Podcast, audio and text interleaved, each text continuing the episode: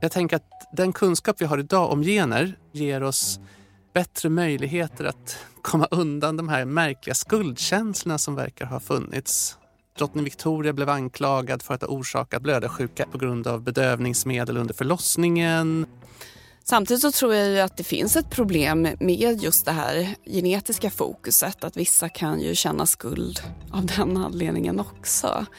Att man kan känna att ja, men det var mina gener som orsakade det här tillståndet. Så jag, jag tror i och för sig att den här kunskapen är ju väldigt värdefull. För det är ju först när vi vet vad som pågår som vi kan hitta bra lösningar på det. Välkommen tillbaka in i riskzonen, Emma. Tack Mattias. Ny säsong, nya berättelser, nya risker. Och vi som sitter här är som vanligt jag, Mattias Öberg, som jobbar som docent, forskare inom toxikologi på Karolinska institutet. Mycket fokus på risker och hälsoriskbedömningar av kemikalier. Och jag heter Emma Frans, jag är epidemiolog. Jag jobbar med registerbaserad forskning. Just nu håller jag på med ett projekt som rör covid-19-pandemin och psykisk ohälsa. Idag ska vi titta bakåt i historien men kanske också framåt. Vi ska prata om arv och ärftliga sjukdomar, arv och miljö.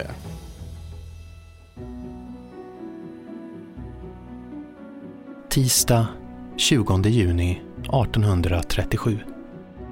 Mor väckte mig klockan sex och berättade för mig att ärkebiskopen i Canterbury och Lord Conningham var här och ville träffa mig. Jag gick upp ur sängen och gick in i mitt vardagsrum, bara iförd min morgonrock, och träffade dem. Lord Conningham berättade för mig att min stackars farbror, kungen, hade gått bort tolv minuter över två på morgonen och följaktligen att jag är drottning. I sin dagbok skriver drottning Victoria av Storbritannien om när hon blir landets regent. Hennes 63 år långa regeringstid kommer bli en guldålder med snabb industriell expansion, ekonomisk utveckling och vetenskapliga upptäckter. Men främst av allt är det nu som det brittiska imperiet byggs. Vid drottningens död 1901 sägs det att det världsomspännande riket är så stort att solen aldrig går ner. Men samtidigt som Victoria av Storbritannien leder sitt land framgångsrikt bär hon på en hemlighet som är dold även för henne själv. Hon har en kromosom med en ovanlig mutation som kommer förfölja Europas kungar och furstendömen i generationer. En mikroskopisk genetisk defekt som skriver om världshistorien. Hemofili är en sjukdom som innebär att blodet inte koagulerar. Det är mycket allvarligt då minsta lilla skada kan innebära livsfara. Genen som orsakar hemofili sitter på X-kromosomen, det vill säga kromosomen som bestämmer en persons kön. Eftersom män bara har en X-kromosom innebär det att män som bär på anlaget drabbas av hemofili. Hos kvinnor som har två X-kromosomer krävs det att båda kromosomerna bär på anlaget för blödarsjuka. Därför drabbas nästan inga kvinnor av hemofili, men de kan föra anlagen vidare till sina barn. Drottning Victoria och hennes make, prins Albert, får nio barn ihop, varav de flesta gifter sig med prinsar och prinsessor ur Europas olika kungahus. Den första att dö i sjukdomen är lillprins Fredrik, drottningens barnbarn. Som tvååring faller han ut genom ett fönster. Fallet är inte alls livshotande, men den lille pojken förblöder. Den andra som dör är prins Leopold, drottning Victorias fjärde son. När han är fem år ger läkarna honom diagnosen hemofili, blödarsjuka. Genetiska sjukdomar är okända och de skyller den lille prinsens åkomma på att Victoria använt kloroform som smärtlindring under förlossningen. Prins Leopold växer upp och gifter sig med den tyska prinsessan Helena av Waldeck-Pyrmont. De får två barn. Men deras andra barn hinner Leopold aldrig se. Vid 31 års ålder halkar han i en trappa och dör av inre blödningar. En dag efter sonens födsel. Prins Leopold blir en i raden av kungligheter som dör av sjukdomen, eller den kungliga förbannelsen som den kallas. Inom tre generationer har närmare sju manliga kungligheter dött i sjukdomen och ytterligare en blivit avrättad. Varför finns egentligen genetiska sjukdomar överhuvudtaget? Om de nu är skadliga? Ja, alltså det här är ju lite paradoxalt kan man ju tycka. För enligt evolutionen så borde de här genetiska sjukdomarna försvinna i och med att de är ju liksom per definition någonting som ger en individ lägre fitness, lägre chanser till att föröka sig och överleva. Och evolutionen optimerar ju fitness och det som är bäst för individen. Men här kan det ju handla om till exempel när det kommer till blödarsjuka så är ju det här en sjukdom som nästan bara drabbar män. Alltså som sagt var att, att kvinnor kan vara friska bärare och då mm. inte drabbas av det personligen utan för det vidare. Och Sen så kan det också vara så när det till exempel kommer till vissa ärftliga sjukdomar som sickelcellsanemi kanske du känner till. Just det, som ger ett visst skydd mot malaria. Eller va? Exakt, så det här är ju en sjukdom som är då negativ för individerna som drabbas. Det här kallas för heterozygotfördel, alltså att man har ärvt då sjukdomsanlaget från en förälder men inte från den andra. Och då är man frisk och man har också resistens mot malaria. Ärver man båda anlagen från båda föräldrarna då får man sicklecellsanemi. Och det är ju såklart inte bra. Men de som har då anlag från en förälder men inte från den andra, de är då friska och de kan inte då drabbas av malaria, vilket är fördelaktigt i områden där man har då förekomst av malaria. Men till priset då av att en del i befolkningen kommer att drabbas av båda anlagen samtidigt Exakt. och då bli sjuka? Exakt. Och det är därför det inte sker någon selektion för den här genvarianten i miljöer där man då inte har den här problematiken med att det sprids malaria. Och det här har man också kunnat se, kanske inte just heterozygotfördel, men det finns olika teorier om att till exempel vissa psykiatriska diagnoser som bipolär störning, att de också kan vara förknippade med andra typer av fördelar och att det här ger en sorts balansering just med bipolaritet så har man kopplat det till kreativitet eh, och att det är så... Så att, så att om man har en, en, vad ska man säga, en, en, en släng av det här bipolära, då kan det vara en fördel. Men om det blir för mycket så är det en väldigt tydlig nackdel. Exakt, exakt. Har du koll på vilka sjukdomar som har störst herriabilitet, ärftlighet? Ja, alltså faktiskt eh, så är det ju många psykiatriska diagnoser där man har kunnat se en hög heritabilitet, alltså att eh, skillnaden i risk mellan olika människor i hög utsträckning beror på vilka gener man har. Okay. Och där kanske framförallt ett tillstånd som autism, mm -hmm. men också schizofreni, även bipolär störning så ser man att våra gener har en väldigt stor betydelse för vår risk. Vi har en fråga här eh, från Niklas som undrar om epilepsi är ärftligt. Ja, det är det i, i mångt och mycket.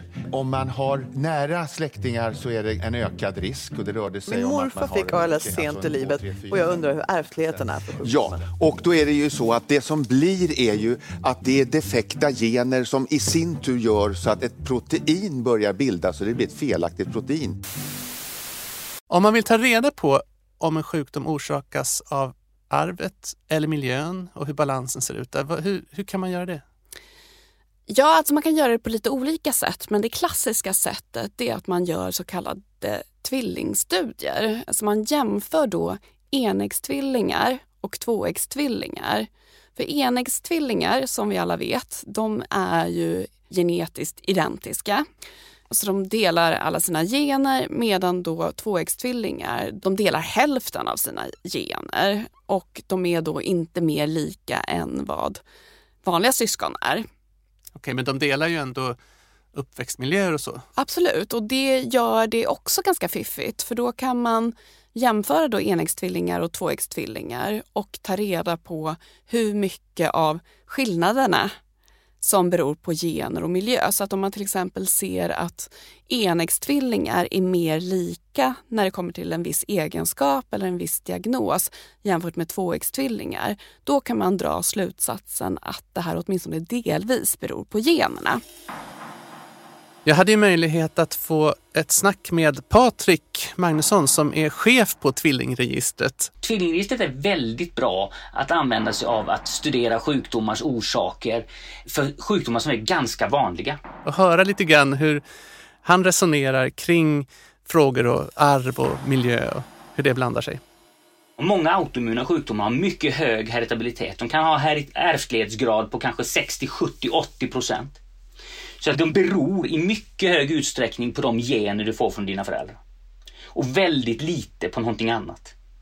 Medan om man tar de flesta vanliga cancerformer, bröstcancer till exempel, där är ärftlighetsgraden betydligt lägre, kanske 20% eller 15% Man hör ju ändå om att bröstcancer, det finns ärftliga varianter av bröstcancer.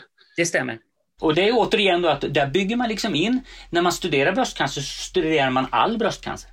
Och då inkluderar man de här, det är väldigt svårt att separera de här som beror på gener i familjen, alltså som är, har starka enskilda gener. Sådana finns det ju och där är ju ärftlighetsgraden mycket högre. Men, men de är bara en så liten del av all bröstcancer som förekommer så de drunknar liksom i all den vanliga bröstcancern. Så cancer är ganska miljöpåverkat i jämförelse med autoimmuna sjukdomar? Om man vill inkludera i miljö spontana mutationer som uppkommer på grund av oxidering och otur. Så om vi vill kalla det miljö så håller jag med dig fullständigt. Men eh, om man säger så här, cancer beror jättemycket på miljö, då tänker folk och tror folk att det beror på vad man äter. Man tror att det beror på liksom partiklar i luften eller någonting sånt. Men, men den stora miljöfaktorn det är ju liksom spontana mutationer som sker på grund av oxidering eller ja, ja, bara det att man andas och förbränner någonting så sker mutationer hela tiden. Men vad är det som gör, skulle du säga, att en del verkar kunna exponeras, de kan röka hela livet, de drabbas inte av lungcancer medan andra röker betydligt mindre och ändå drabbas? Den stora faktorn är ju otur. Så att jag menar, har du tur så kan du både röka och dricka sprit och leva som en buse och liksom inte sköta dig överhuvudtaget och ändå bli 94 år gammal och inte drabbas av någon cancer. Men har du otur så kan du leva som en renlevnadsmänniska och få en, en dödlig cancer när du är 35 år gammal. Hur mycket påverkar arvet den här motståndskraften? Eller? Jag tror ganska lite. Det finns mycket, det finns liksom förhoppningar om att man skulle kunna hitta en gen som gör att du har skydd mot alla mutationer. Liksom, men det tror inte jag så mycket på. Utan det är snarast då gener som gör att du gillar att motionera. Gener som gör att du inte gillar att röka. Sådana gener finns det och de kommer bidra till ditt cancerskydd. Liksom. Så att miljön och arvet verkar kunna lite grann samverka. De samspelar. Det kanske på något sätt är lite att man, man gör lite ett misstag när man separerar dem så mycket i och med att de kan interagera och att de kan påverka varandra. I många fall så är det så att genetiken kommer verka via livsstil. Det är liksom, det, genetiken gör att du tenderar att leva ditt liv på ett visst sätt. Och det är lite svårt för folk att acceptera. Men om man tar en sån enkel sak som fetma till exempel. Då kan man ju betrakta det som att ja, ja, det är ju en miljöfaktor. Det är ju vad du äter. Och en livsstilsfaktor, det är ju hur mycket du rör dig. Det är de absolut största faktorerna bakom fetmaproblematiken. Men det i sin tur är liksom dikterat i hög utsträckning av din genetik.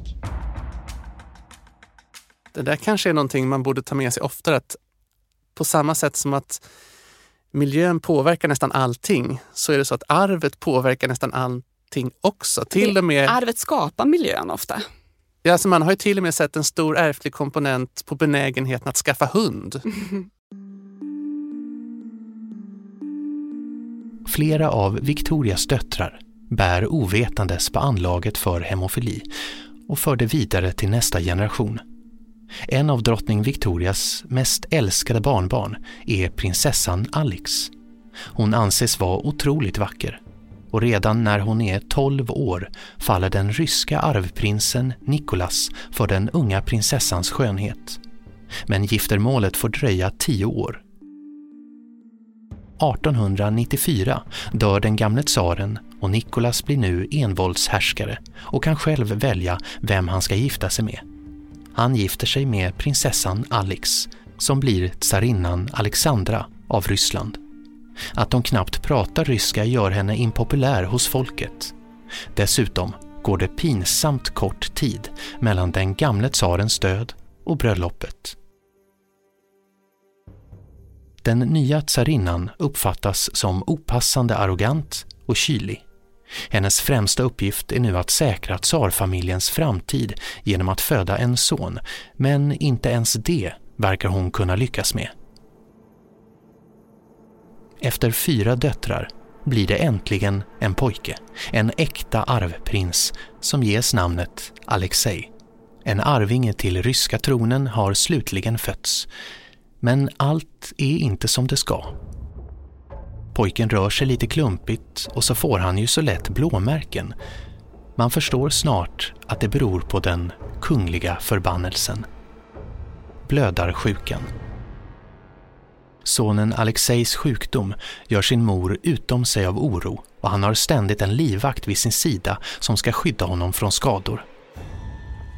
En dag när tsarfamiljen är på semester och Alexej som snart ska fylla tre är ute med en roddbåt snubblar han till och slår i höften mot rorskulten. Han får en inre blödning som vägrar ge med sig. Ingen läkare verkar kunna bota Alexej och snart återstår bara hoppet om ett mirakel. Alexejs mamma griper efter ett sista halmstrå och kontaktar en man som omgärdas av märkliga rykten. Hans namn är Gregori Rasputin. En kringvandrande munk och sektledare med genomträngande blick. Enligt ryktet kan den långhåriga och otvättade mannen både se in i framtiden och hela människor. Rasputin telegraferar till Alexandra att hon ska skicka bort läkarna. Han har sett i en syn att pojken ska överleva. Bara någon dag senare upphör blödningen och Alexej börjar tillfriskna. Ingen förstår exakt hur Rasputin lyckats bota pojken men tsaren och tsarinnan är övertygade om att Rasputin har övernaturliga krafter och gör honom till en av hovets mest inflytelserika personer. Han blir deras personliga rådgivare och får ett direkt inflytande över allt från politiska utnämningar till strategier i krig. I takt med att Grigori Rasputins makt ökar växer också antalet fiender, både inom som utanför hovet.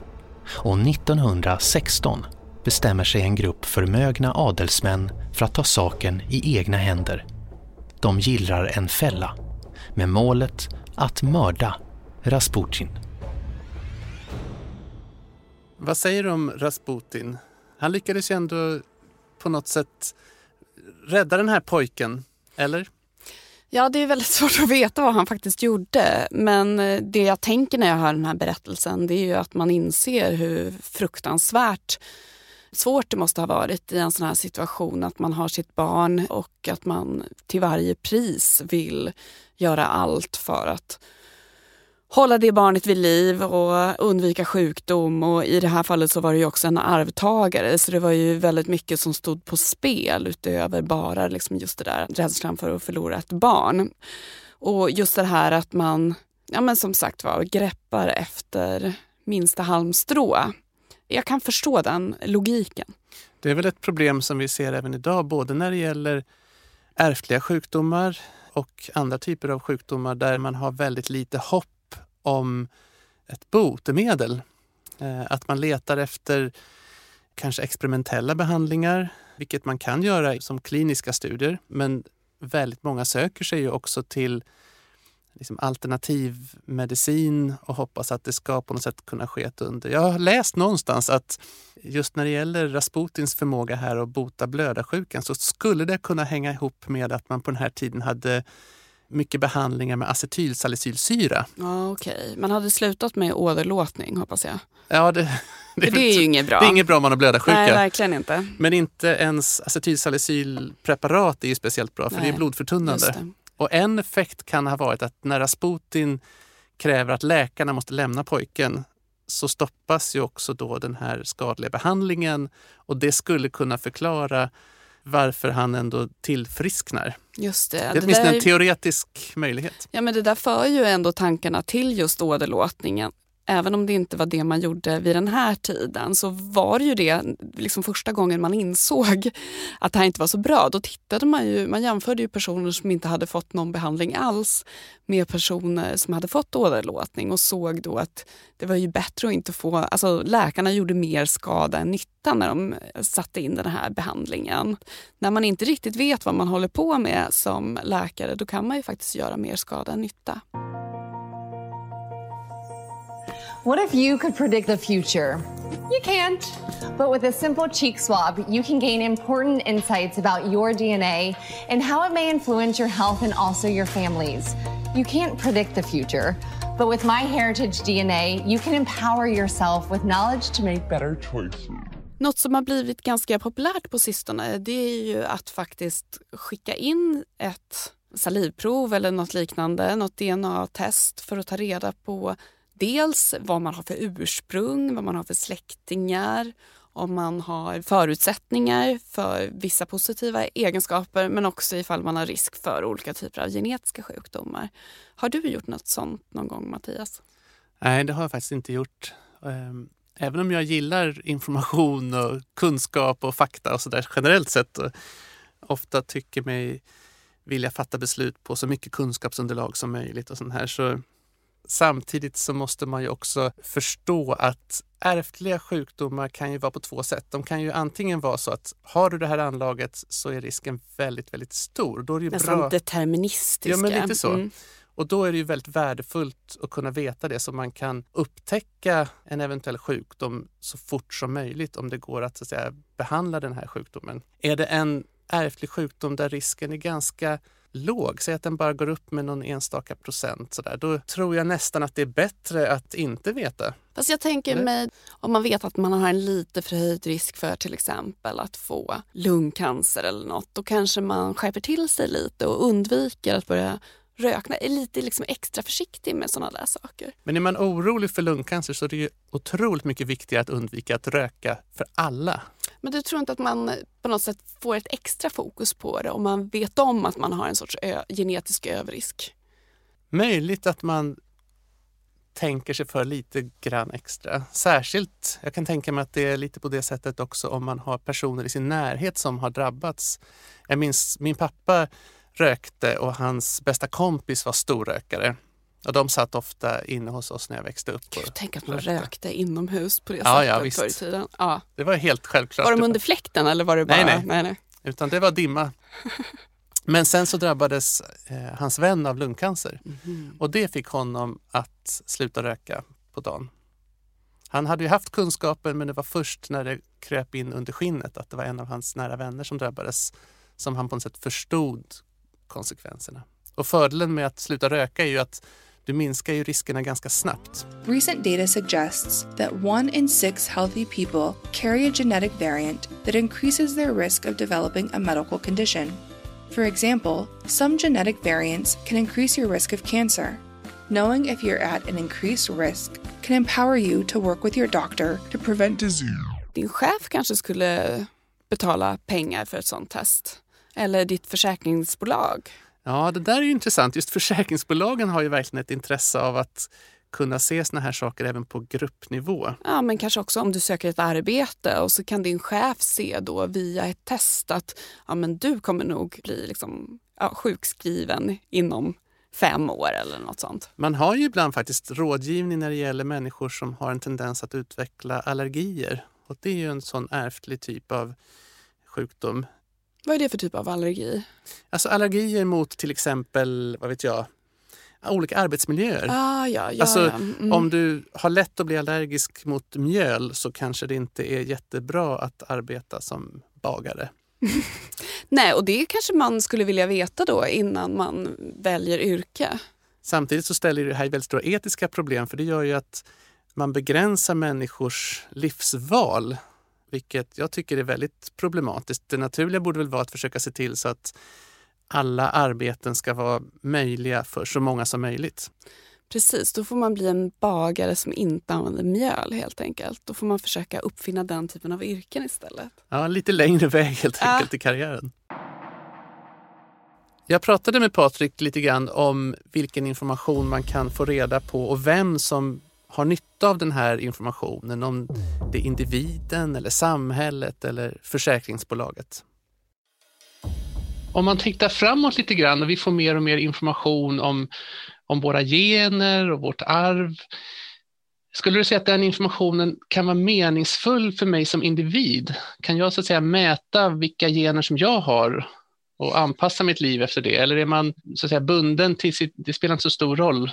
Ehm, vi som håller på med genetisk epidemiologi, vi kan liksom göra en estimering av ditt genom till exempel och säga så här, ja du tenderar att vara lite längre än genomsnittet, du är lite smalare än genomsnittet, du verkar vara eh, något klipskare än genomsnittet. Den informationen finns. Men den är mycket svag. Den är bara användbar tillsammans med tusentals andra personer i ett statistiskt perspektiv. För dig som individ så är det liksom kanske så att jag säger så här, du verkar vara genetiskt klipsk. Ja, då är sannolikheten att du har över 120 i IQ kanske, inte vet jag, 3% istället för 1 Men hur är det med försäkringsbolag och sånt? Ska de, tycker du, ha rätt i framtiden och så att säga, kunna bedöma risker på gruppnivå baserat på den här typen av genetisk information? Ja, det, alltså det är en jättebra fråga för att låt säga att det faktiskt hade funnits statistisk kraft för individen. Om vi säger att vi hittar på ett jätte, jättebra genetiskt test, om det skulle vara möjligt att göra det. Och det gör det ju. Liksom. För de monogena sjukdomarna som är ovanliga, där du har en sjuklighet i släkten, där kan man ju göra ett genetiskt test. Och ta reda på att jag kommer drabbas av den här dödliga sjukdomen. Och har du den informationen, men försäkringsbolagen har den inte. Det är ju ett problem för försäkringsbolagen. Så att det är ju liksom, det, det, man kan tycka att det är väldigt o- mysigt att det är på det sättet men det skulle ju bli, jag tror det finns skrivningar i försäkringstagning att har man kända monogena sjukdomar i släkten då finns det undantag och då blir det lite extra svårt att teckna livförsäkringar och sådana saker. Men när det gäller vanliga sjukdomar, så typ, inte vet jag, hjärtinfarkt eller någonting annat, där är det prediktiva värdet så lågt så att jag tror inte ens försäkringsbolagen är intresserade.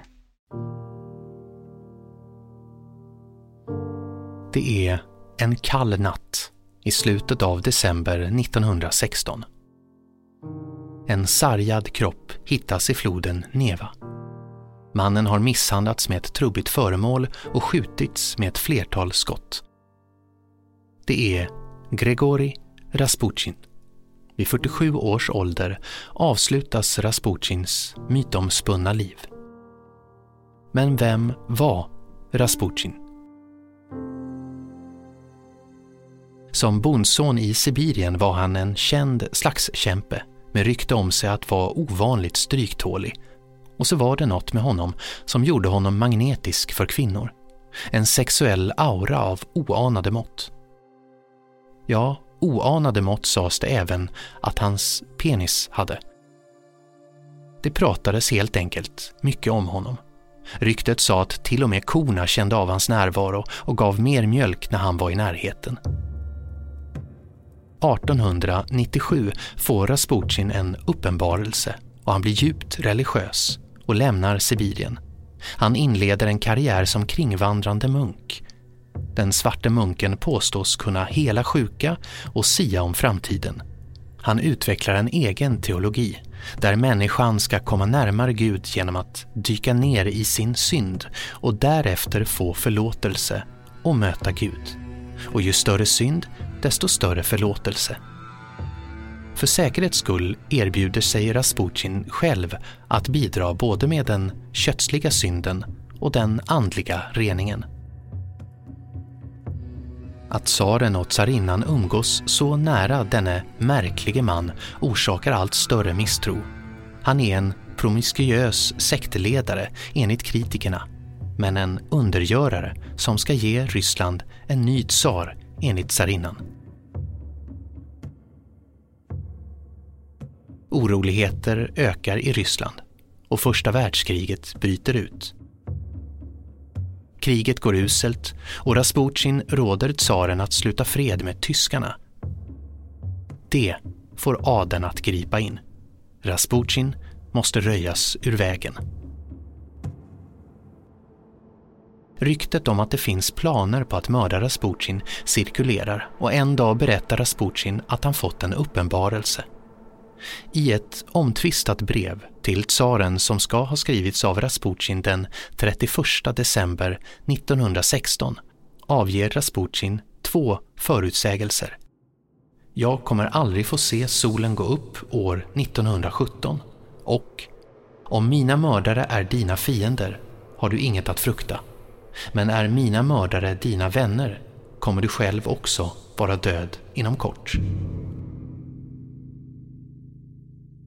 Man vet inte exakt hur mordet går till, men man vet vem som utförde. En av Rysslands rikaste män, först Felix Jushopov, lurar Rasputin till ett möte. Han har låtit en bekant tillverka kakor och vin preparerade med cyankalium och bjuder Rasputin dessa.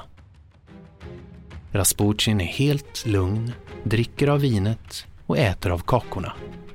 När Rasputin inte påverkas av giftet får Felix panik och skjuter honom istället. Rasputin träffas men tar sig ut. I snöyran skjuts han igen och tilldelas, för säkerhets skull, flera slag med en batong. Han dumpas sen i floden Neva. Men Rasputin får på sätt och vis sista ordet. Hans profetia går i uppfyllelse. Mördaren är en vän av tsarfamiljen och de ryska regenterna mördas året därpå av bolsjevikerna. Även den blödarsjuke pojken, Alexej, endast 13 år gammal, avrättas. Kroppen begravs i hemlighet och det dröjer ända till 23 augusti 2007 innan en rysk arkeolog hittar kvarlevorna. Ytterligare något år senare bekräftar DNA-analyser att kroppen tillhör arvprinsen Alexei, bärare av drottning Victorias mutation och drabbad av såväl den kungliga förbannelsen som Rasputins profetia. Har du varit i Moskva? Nej, jag har inte det. Har du? Nej, jag har inte heller varit det. Men det sägs finnas ett, någon typ av sexmuseum där, där Rasputins penis finns utställd. Är den mumifierad på något sätt? Jag vet inte. Nej. Jag känner att jag måste åka till Moskva snart helt enkelt för att ta reda på sanningen bakom Ja, det här. men den skulle ha varit något i särklass. Oklart om det är liksom formen eller storleken eller men någonting väldigt speciellt med hans syn på sexualitet som också gör ju att förtroendet för tsarfamiljen raseras ganska snabbt. Har ditt arbete med tvillingregistret och medicinsk epidemiologi förändrat din syn på dig själv eller din familj eller världen i övrigt? Säkert. Det tror jag. Man får liksom en, ett sätt att se på saker. Jag tror ju överhuvudtaget att, att jag är inte sådär jätte, vad ska man säga, rädd. Som, utan jag, jag vet liksom att det, när det gäller genetisk risk till exempel. Ja, ja, det blir som det blir och det, det är liksom inte sådär supermycket att grubbla på. Det, det är, Blir man fatalist av att jobba med genetik? Att det, liksom, det ligger inskrivet Ja, om, ändå? om Det- man vill kalla det fatalist eller om man vill kalla det ödet eller om man vill kalla det... Jag, jag tror att det blir ju i väldigt hög utsträckning som det blir. det är liksom, det är bara att åka. Jag tror man mår ganska bra av att åka med och göra en resan så rolig och så bra som man kan under vägen. Liksom. Men att gå omkring och grubbla eller ondgöra sig eller vara liksom besviken över sin genetiska lott i livet, det tror jag är, det är inte så fruktbart. Men Emma, har vi ett genetiskt lotteri skulle du säga? När det gäller såna här typ av lite, liksom sjukdomar? Ja, alltså jag menar, vi har ju, vår utgångspunkt är ju våra föräldrar såklart. Men vi kan ju inte välja våra föräldrar. Så på så sätt är det ju lite slumpen som avgör. Verkligen, och, och jag menar det är ju en orättvisa som finns redan från början och det kanske också har bidragit till att vissa har tyckt att det har känts lite hotfullt det här liksom att prata mycket om genetiken som avgörande för våra egenskaper och våra risker för sjukdomar. Vi vill helst att eh, saker kanske ska gå att påverka i större utsträckning. Om man testar nu för sjukdomar och i framtiden kanske man också kommer kunna välja lite grann genom att liksom skrina befruktade ägg och se vilka egenskaper som kommer att ärvas vidare. Skulle du säga att just det här riskerar att göra mänsklighetens variation för smal så att vi blir sämre på att möta framtida miljöförändringar? Alltså jag tror att när det gäller till exempel genförändringar som leder till hemofili, då kanske det är riskfritt att screena eller på något sätt man kanske till och med kan använda en gensax för att förändra i ett embryo. Men när det kommer till mer såna här komplexa sjukdomar då är det ju väldigt många olika gener som har olika typer av funktioner och som i kombination kan resultera i en diagnos. Men de generna kanske också kan ge andra typer av positiva egenskaper. Så där tror jag att det kan bli väldigt svårt att försöka komma åt dem med den här typen av metoder. Tack för att du har lyssnat på Riskzonen, första avsnittet av den andra säsongen. Eh, som vanligt har det varit Mattias Öberg här vid den ena mikrofonen och Emma Frans vid den andra. Och vi vill tacka forskningsrådet Formas för ekonomiskt stöd till att göra den här podden. Producent idag var som vanligt Klara Wallin och inläsaren är Peter Öberg. Vi kommer att fortsätta prata mer om arvets betydelse för vilka vi är och miljöns inverkan på vilka vi blir i nästa avsnitt då vi berättar historien om David Raymer som föddes som pojke men gjordes om till flicka och som sen valde att återigen bli pojke när han fick reda på sanningen.